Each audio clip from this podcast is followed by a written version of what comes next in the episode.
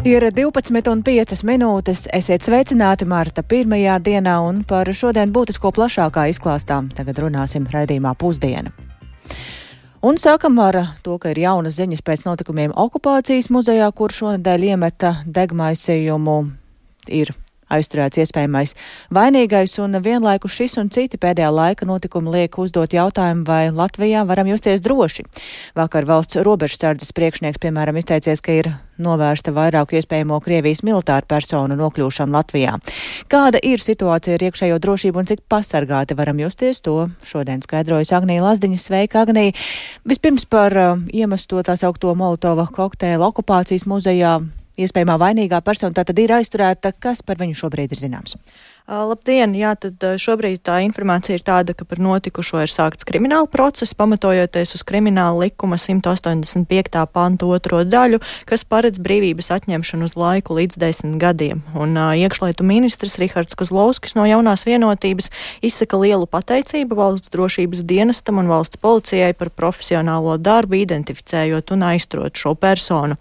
Tāpat ministrs uzskata, ka profesionāli paveiktā darba rezultāts ir ne tikai personu personas aizturēšana, bet arī ātrums, kādā tas tika izdarīts, proti 24 stundu laikā šī persona esot atrasta, uh, proti identificēta, un uh, it īpaši ņemot vērā arī to, ka uzbrucējs bija veicis sagatavošanās priekšdarbus, to starp, lai izvairītos no ātras aizturēšanas, un pēc ministra domām noziedzīgais nodarījums ir jāvērtē kopsakarā ar hibrīdkara apstākļiem, kuros pašlaik dzīvojam, un šādi noziegumi ir nopietns apdraudējums nacionālajai drošībai.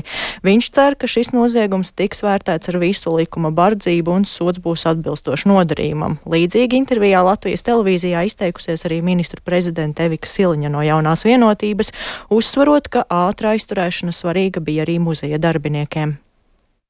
Mēs dzīvojam nu, blakus kara apstākļiem, un jāsaprot, ka hibrīda apdraudējumi ir tāda šodienas arī zināma realitāte. Mums vienkārši ir jābūt gataviem, ka šādas situācijas var būt, tāpēc arī rūpīgi tām pievēršamies. Protams, es domāju, ir ļoti svarīgi, ka mēs saglabājam modrību gan no mūsu izmeklējušo iestāžu puses, gan arī nu, no sabiedrības puses, ka cilvēki ziņo, nebaidās ziņot, un nu, ļoti svarīgi saglabāt tiešām šo, kā lai pasaka, tiešām tādu modrību vienam pret otru un arī sabiedrību. Jā.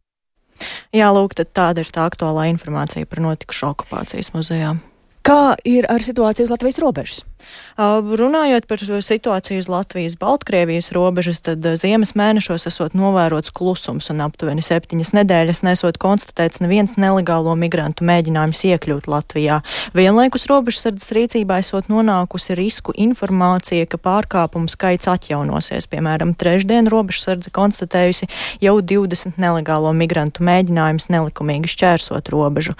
Bet valsts robežsardzes priekšnieks Guntis Pujāts ir sacījis, ka arī uz Latvijas-Krievijas robeža, robežas pastiprināta nelegālo migrantu kustība nav novērota un situācija esot visnotaļ mierīga. Tomēr robežsardze epi, epizodiski konstatē Krievijas vai Baltkrievijas pilsoņus, kas pēc pazīmēm attiecināmi uz militāru personas kaujinieka profilu. Paklausīsimies fragmentu no vakardienas aizsardzības nozeres rīkotās diskusijas par Latvijas austrumu robežas stiprināšanu, kur plašāk par šiem gadījumiem izteicās valsts robežsardzes priekšnieks ģenerālis ģenerālis Guntis Pujāts un viņu iztaujāja portāla sarks eh, redaktors Kārlis Roķis.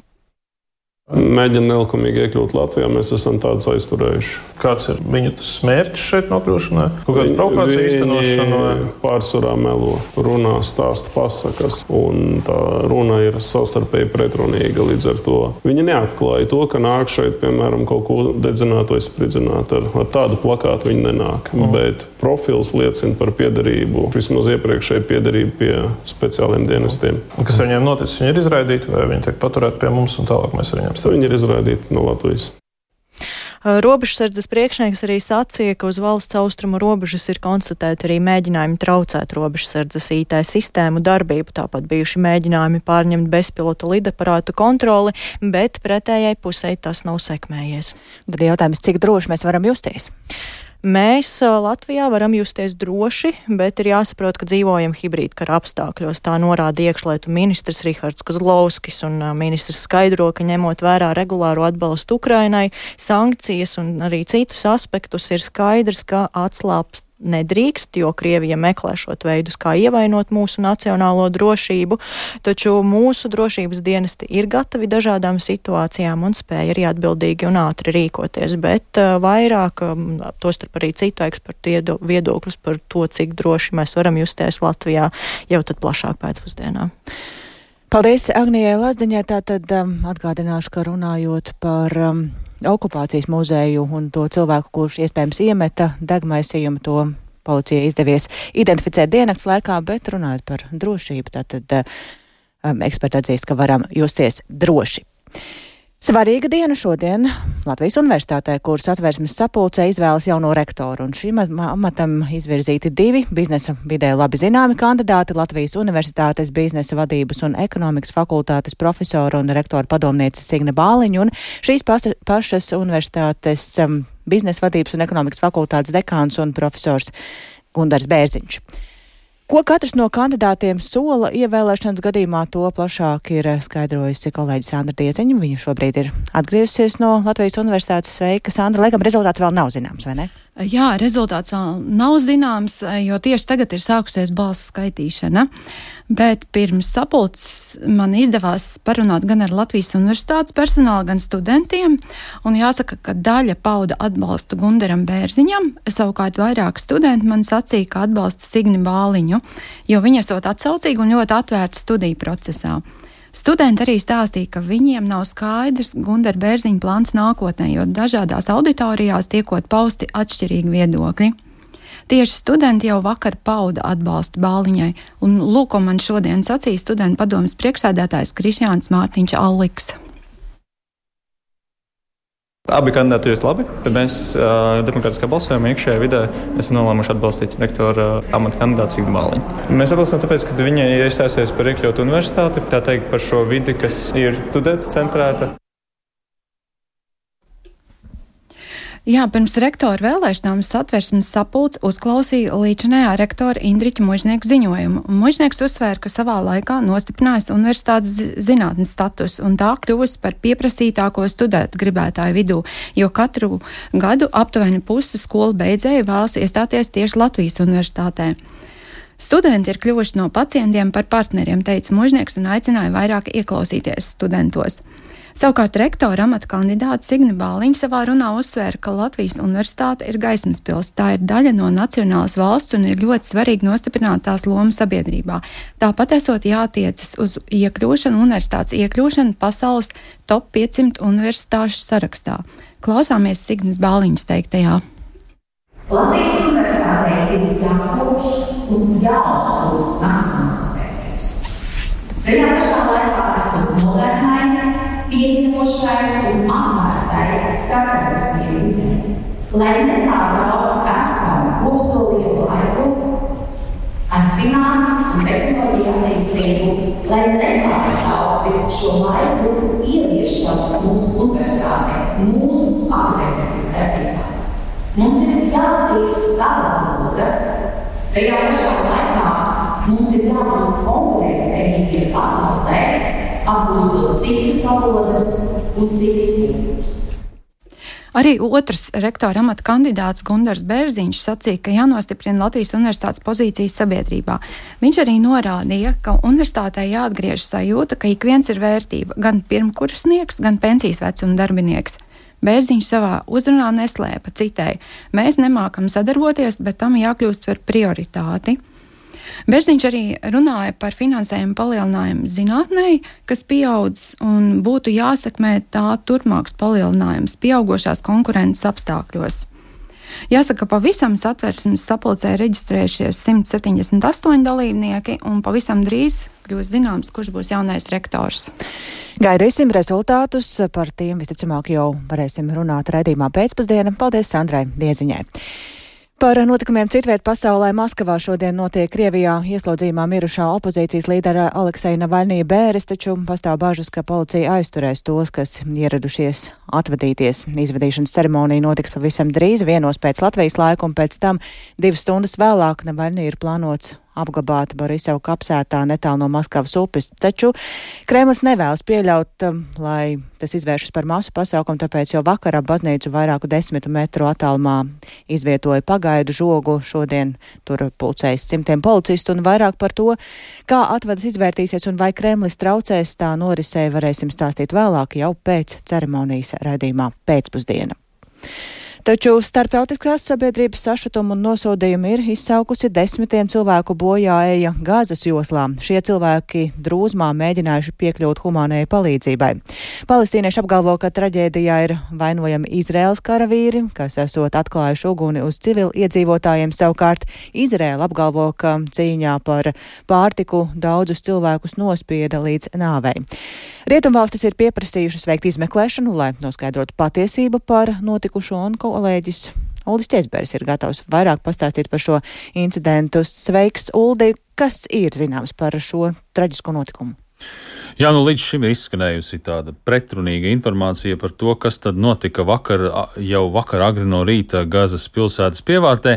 Bet nu ir zināms, ka tur no Eģiptes ieradās 38 kravas automašīnas ar humāno palīdzību, un drošības apsvērumu dēļ automašīnu kolonnu no attāluma pavadīja vairāki Izraēlas armijas tanki. Kad kolonna apstājās ap automašīnām, sapulcējās tūkstošiem patiešām izmisušu cilvēku, kuri vēlējās saņemt pārtiku un citas pirmās nepieciešamības lietas. Nu, Izraēlas armija apgalvo, ka ir sākusies grūstīšanās, un daudzi cilvēki ir mēģinājuši ierāpties automašīnu kravas kastēs, bažījoties, ka situācija var kļūt nekontrolējama. Izraēliešu karavīri esot raidījuši brīdinājuma šāvienus, taču nav šauts uz šo te cilvēku pusi. Armija arī publicēja no gaisa uzņemtu video. Nu, tas, ir, tas ir uzņemts naktī. Tur, protams, ir grūti saprast detaļās, bet nu, tur, protams, tā virspusēji skatoties, ir redzams, ka simtiem cilvēku ir aplenkuši šīs palīdzības automašīnas. Tad jā, kādā brīdī sākas um, cilvēku haotiska kustība. Savukārt aculiecinieki uz vietas apgalvo, ka izrēlieši ir šāvuši uz cilvēkiem. Nu, tas izraisīs paniku, un cilvēki centušies bēgt, bet tā rezultātā Nu, daudzi no viņiem ir um, nu, saspiesti, un nu, vairākus cilvēkus esot arī nobraukušas šīs palīdzības automašīnas, kas arī steidzās pamest notikuma vietu. Nu, teroristu grupējuma Hamas kontrolētā Gazas uh, veselības ministrija apgalvo, ka incidentā nogalināja vismaz 112 cilvēkus, bet vēl vairāk nekā 750 ievainoja. Nu, arī slimnīcās apgalvo, ka daudziem cietušajiem esot ložu radīti ievainojumi, bet nu, šo informācijas patiesumu, protams, nav, nav iespējams apstiprināt. Jā, nu tas ir pamanīts arī citviet pasaulē, kāda ir starptautiskā reakcija. Jā, vairākas valstis, tostarp ASV un Francija, ir pieprasījušas veikt izmeklēšanu, lai noskaidrotu, kas izraisīja šo asiņaino incidentu. Un arī ASV valsts departamenta pārstāvis Meķu Millers uh, aicināja noskaidrot visus faktus, lai neizdarītu pārsteidzīgas secinājumus. Es nevēlos izdarīt pāragrus secinājumus par to, kas varētu būt noticis, jo iepriekš tie ir izrādījušies nepareizi. Taču divas lietas ir skaidras. Pirmkārt, no gaisa uzņemtajos kadros var secināt, ka situācija ir bezcerīga, ka cilvēki drūzmējās pie šīm kravas automašīnām, jo ir izsalkuši. Viņiem ir nepieciešama pārtika, zāles un cita palīdzība.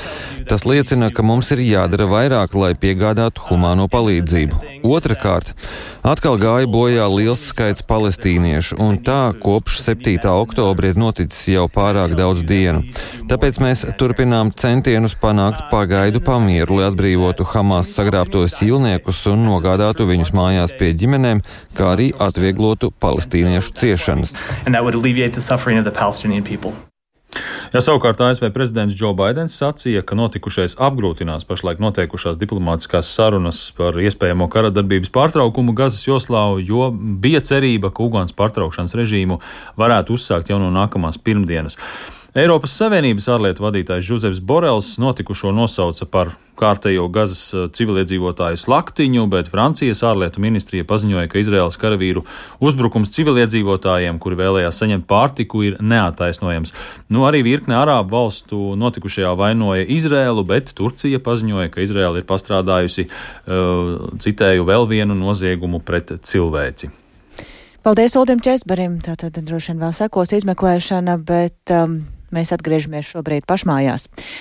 Rīgas domas amatpersonas Jāņa Vaivoda iespējamais korupcijas skandāls netraucē veikt viņa iepriekš pārstāvētā ārtelpas un mobilitātes departamenta reorganizāciju. Šodien tam pievienojas pašvaldības aģentūra Rīgas gaisma, un domē cer, ka tā pašvaldībā darbi noritēs koordinētāk un to sajutīs arī iedzīvotāji. Savukārt par Vaivadu doto kukuli runājot, tad Latvijas televīzijai un Latvijas radio ir neoficiāla informācija, ka tas ir piedāvāts lidostas zemes lietā un plašāk par visu izstāstīs Viktors Demīdovs. Sveiks, Viktor! Tad, eh, Sanāk, ka pašvaldība bez vaivoda arī spēja strādāt un veikt reformas, vai tomēr ir gaidāms kāds aizķeršanās?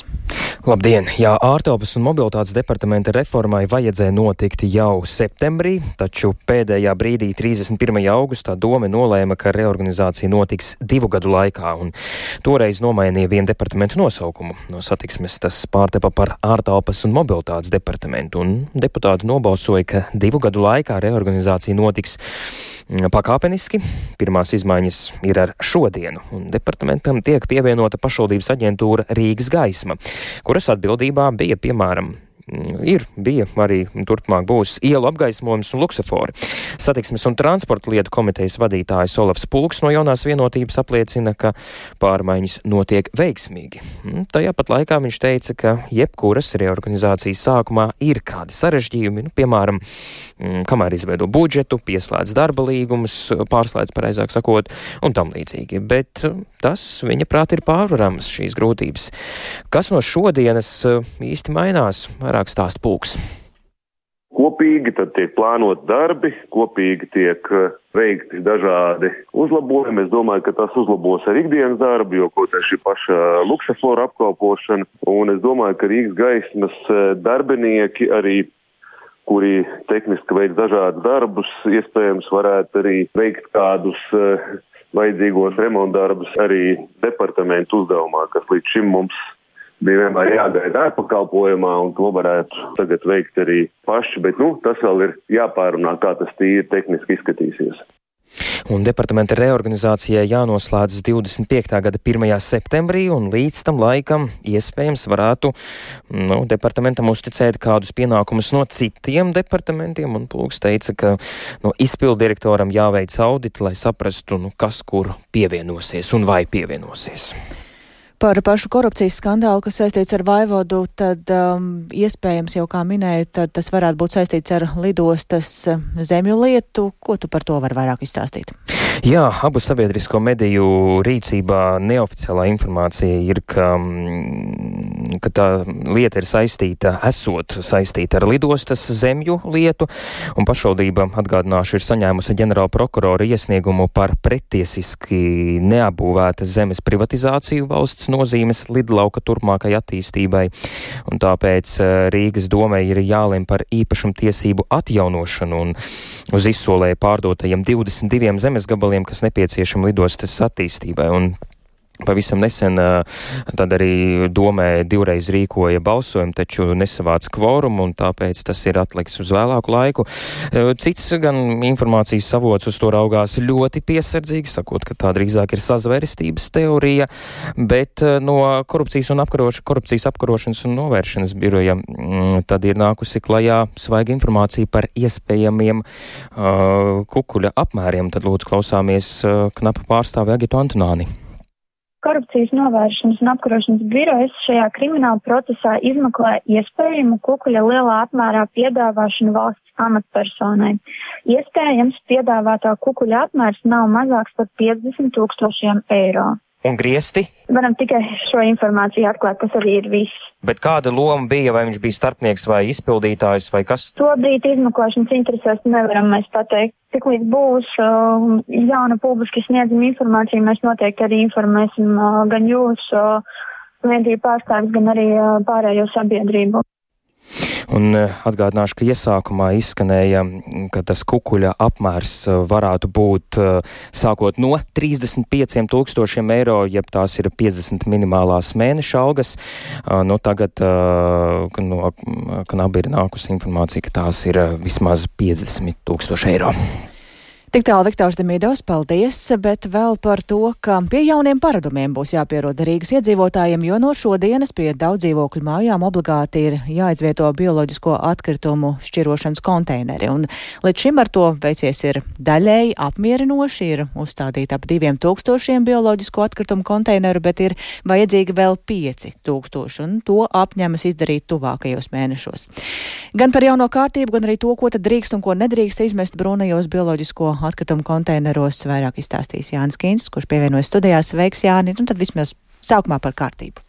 Jā, sveicināti! Pašvaldības saistošie noteikumi paredz, ka daudz dzīvokļu namu apsaimniekotājiem Rīgā no šodienas ir pienākums nodrošināt bioloģisko atkritumu šķirošanu pie daudz dzīvokļu ēkām, kurās ir vairāk nekā desmit dzīvokļu. Un šī prasība attiecas uz Tātad tām daudz dzīvokļu dzīvojamām mājām, pie kurām nav iespējas kompostēt daļu no bioatkritumiem, kas ir vēl viena papildu iespēja. Tātad šos nopļauto zāli, nogrieztos zarus un tādas lietas ir iespējams tātad, apguld, noguldīt turpat pagalma teritorijā, ja vien tas netraucē iedzīvotājiem. Tomēr realitātē šos konteinerus pie daudzām mājām vēl tikai ieraudzīsim, un uz jautājumu, kāpēc plašāka informatīva kampaņa sākas tikai tagad, Rīgas domas mājokļu un vidas komitejas vadītājs Viesturs Zeps atbildēja šādi. Ar dažādu intensitāti mēs patiesībā esam mēģinājuši ieviest to eh, nu, saka, gan pagājušā gada, gan aizpagājušā gada un tam līdzīgi. Nu, un, eh, būsim jau eh, reāli, kaut kad ir no brīvprātības jāpāriet uz tādu lielāku stingrību. Patiesībā līdz 1. maijam mēs paredzam, ka mēs varēsim arī uzstādīt kopumā visus šos konteinerus. Tātad līdz šim galvaspilsētā ir ap 2000 bioloģisko atkritumu konteineru gan pie privātu mājām, gan daudz dzīvokļu namiem, un jāievieš ap 500 dažādu izmēru konteineru, un vairums no tiem jau esot noliktavās. Un bioloģisko atkritumu šķirošanu pašvaldība cer veicināt arī ar zemākām izmaksām iedzīvotājiem, proti, bioatkritumu apsaimniekošanas maksa šajā gadā ir uh, 60% no nešķirotos atzīves atkritumu apsaimniekošanas maksas. Pieņemot to, ka nu, tiešām visi šie atkritumu konteineri parādīsies pie daudz dzīvokļu mājām, atgādina, tad, ko tad drīkstēs un ko nedrīkstēs izmest eh, šajos konteineros. Jā, nu tā ir informācija, par kuru pašvaldība ir apņēmusies ar iedzīvotājiem komunicēt pastiprināti, atgādinot šo informāciju gan internetā, gan arī speciāli īpaši tam veidotos tātad, bukletos. Tas, ko drīkstēs šajos konteineros izmest, būs dažādi augļi, dārzeņi, to sērdes, mizes, rieksti, gaļas un zivju atkritumi, graudaugi, to izstrādājumi, olu čaumalas kafijas un tējas biezumi bez maisiņiem, siera un citu cietos, siers un citi cietie piena produkti, maizes un miltu izstrādājumi, kā arī dārza atkritumi, tātad augi un to saknes, nezāles, nopļautās zāle un lapas, neliela koku zari, krūmi un tam līdzīgi. Un tas, ko nedrīkstēs izmest, tūjas, resni zari un cēlmi, ko pārstrādāt vienkārši nav iespējams plasmasas maisiņi un, ie, un iepakojumi, puķu podi, dažādi papīra un plasmasas trauki, olu iepakojumi, pelni, izsmēķi un citas lietas, kā arī dzen, piemēram, autiņu biksītes un higiēniskās paketes. Protams, ka bioloģisko atkritumu šķirošana ir uzdevums, pie kā ir īpaši jāpiedomā ikvienā mājasemniecībā, jo mājoklī ir vajadzīgs neliels konteiners ar vai bez maisiņa. Šo tātad lieta, ar ko būs ikdienā jāsadzīvo, raksturoja Sija Getliņa eko vidas un attīstības pārvaldes vadītāja Līga Šmita. Konteinerītis, kurš ir ventilējams mājas apstākļos, viņš noteikti nav liels, kurā mēs neizmantojam maisiņu. Praktiski tas nav tik ērti, taču ir vairākas iespējas. Pareizākā būtu bioloģiski degradējumie maisiņi, kuriem ir speciāli certifikāti, taču tur ir jārēķinās ar papildus izmaksām, un noteikti ne katrs no mums uz to būtu gatavs. Otra lieta ir papīra maisiņi, kurus arī mēs varam izmantot, taču tur jau uzreiz ir skaidrs, ka, ja ir mitrāks, lapjāks sastāvs, tad viņi nav derīgi. Un trešā lieta, protams, joprojām varam izmantot mums labi pazīstamos plasmasas maisiņus, kas noteikti nav tas pareizākais veids, taču šajā gadījumā nonākot līdz eh, biokonteineriem, tas nozīmē to, ka šis plasmasas maisiņš ir jāizkrīt ārā un jāieliek blakus zaļajā konteinerī, kas ir sadzīves atkrituma konteiners. Nu, Tālāk īsumā par šo jaunievedumu, bioloģisku atkritumu šķirošanu ikdienā, bet sekosim līdzi, protams, arī kā veiksies ar šo vērienīgo uzdevumu par šo konteineru ieviešanu Rīgā. Jā, nu droši vien vieni jau ir pieraduši pie jaunās kārtības, citiem vēl būs jāpierod, jāpapēt saraksts, ko tad drīkst mest, ko nedrīkst. Paldies Jānim Kincim un ar viņa stāstījumu arī izskan raidījums pusdiena, ko producēja Lauris Zvejnieks, ierakstus montēja Uldis Grīnbergs par labskaņu rūpējās Katrīna Bramberga un ar jums sarunājās Dāts Pēkšēna. Paldies par klausīšanos! day.